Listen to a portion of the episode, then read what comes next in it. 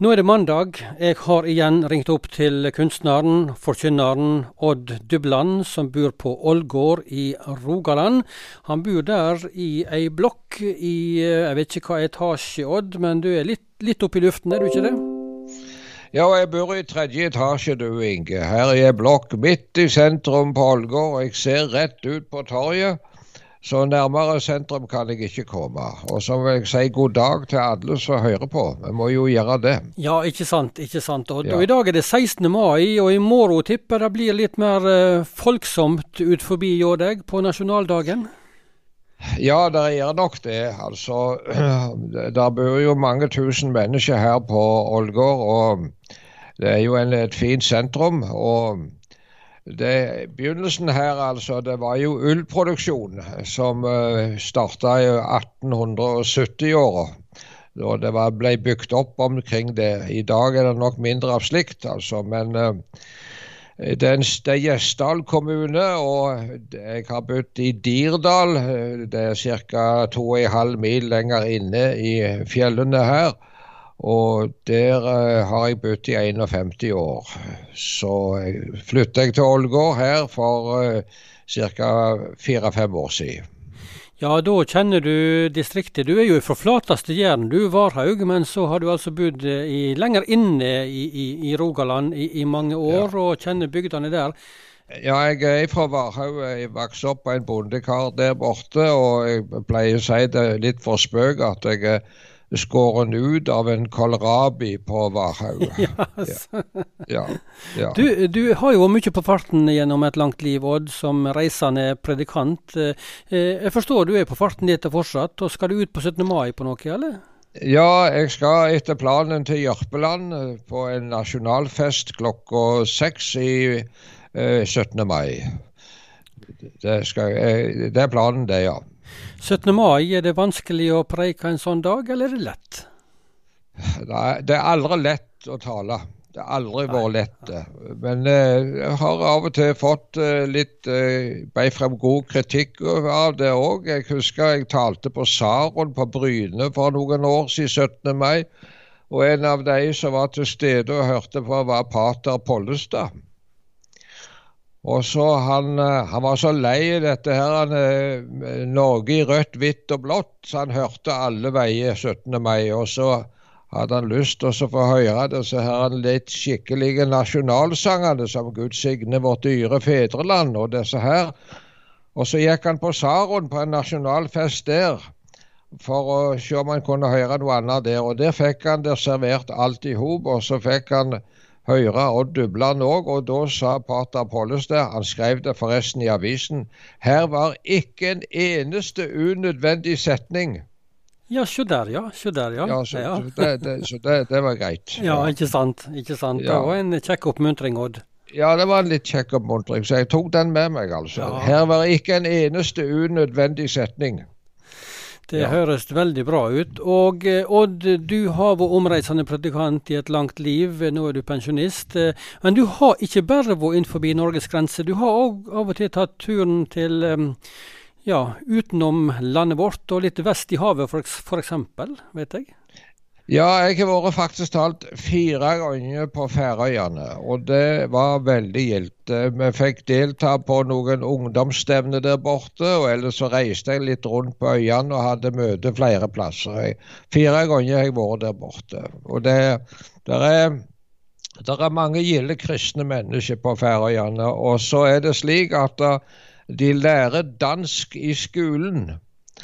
Uh, og, og, så uh, selve språket deres det, der ligger nokså nær norsk, nynorsk på mange vis. Slik at jeg kunne stå der på talerstolen med min egen gamle Varhaus-dialekt, eller jærdialekt, og de forsto alt jeg sa. Så det var veldig greit. Ja, det ble faktisk flere turer til Færøyene. Fire turer, så vidt jeg vet? Ja, jeg har vært der fire ganger iallfall. Ja, ja, ja. Du, eh, og så vet jeg òg at du har snappa opp litt historier når du um, hørte folk eh, fortelle fra Færøyene? Ja, det var en, en, kar der borte. Han heter Johan Henriksen. Han er en veldig fin forkynner. Og så fortalte han noe som jeg ikke har glemt. Uh, og det var riktignok ikke fra Færøyene, men fra Danmark, fra Bornholm. Det er ei øy som ligger under Danmark, det. Og der var det en bonde. En landmann heter det vel på dansk, det gjør det ikke det, Inge? Jo, det stemmer nok. En landmann, en bonde. De hadde gard på Bornholm.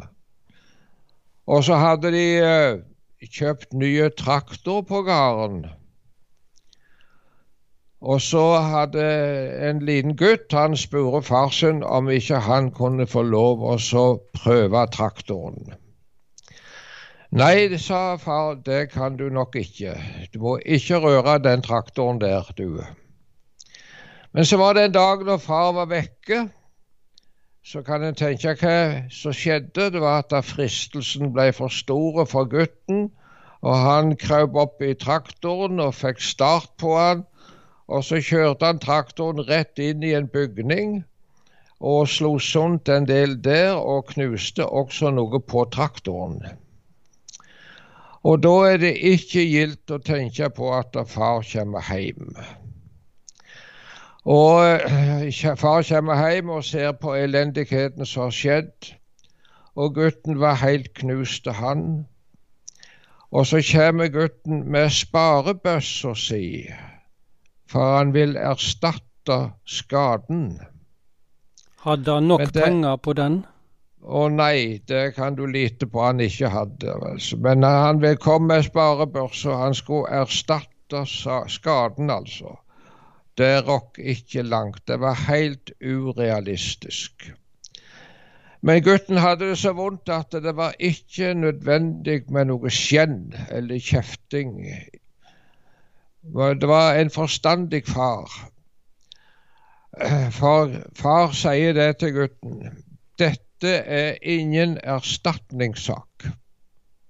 Det er en forsoningssak. Det syns jeg er et veldig fint uttrykk.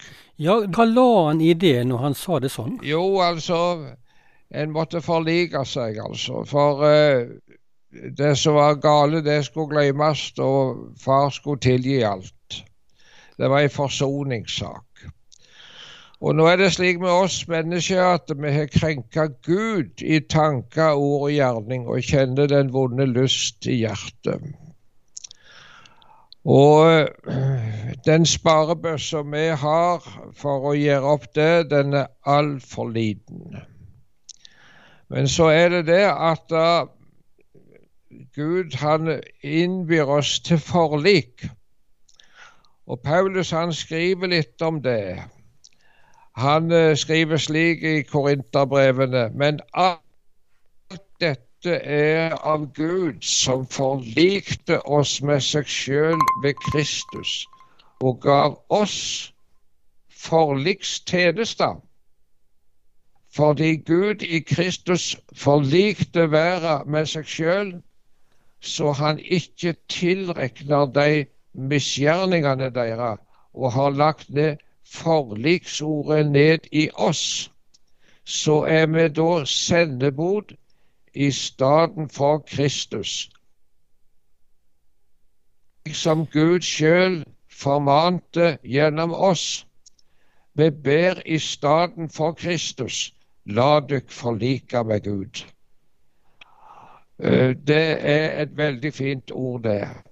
Vi ber i stedet for Skal vi se, der, der datt du litt ut, Odd, det siste. Du sa det var et veldig fint ord, sa du. Og hva sa du etterpå det?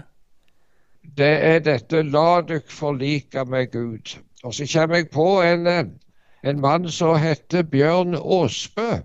Han var også forkynner i Misjonssambandet her borte i Stavanger krets, som det het den gangen. Og så var han bedt i et bryllup. Og der kom han i prat med en mann som Nei, denne mannen var ikke noen personlig kristen, som vi sier. Og så kom de inn på snakk om akkurat det, han Bjørn Aasbø og denne mannen. Og så sier Bjørn det til han at hvorfor eh, har du ikke tatt imot Jesus? Eller hvorfor vil du ikke være en kristen? Ja, hva svarte mannen da? Så sier man det. Nei, jeg, jeg er ikke kalt det nok, sa han. Han brukte det uttrykket der. Jeg er ikke kaldt nok, altså. Det, altså det kommer en innbydelse, et kall ifra Gud. Og han følte på det at det var ikke sterkt nok, det kallet han hadde fått. Ja, ja. Slik, slik sa mannen. Og da var det Bjørn Aasbø spurte mannen nå, nå er vi i bryllup, og du ble bedt her. Det ble du bedt. Sendte de linsmannen på deg? Eller fikk du en muntlig eller en skriftlig innbydelse? Nei, de sendte ikke lensmannen på deg, men du fikk en innbydelse, enten det var skriftlig eller muntlig. En innbydelse til Kåba. Så Bjørn han sier det til mannen, jeg ber i stedet for Kristus, la deg forlike med Gud. Det er nok, kall det. Og slik skal kallet også gå ut i dag. Det er ikke et ugyldig kall, men det er noe som kommer fra Gud.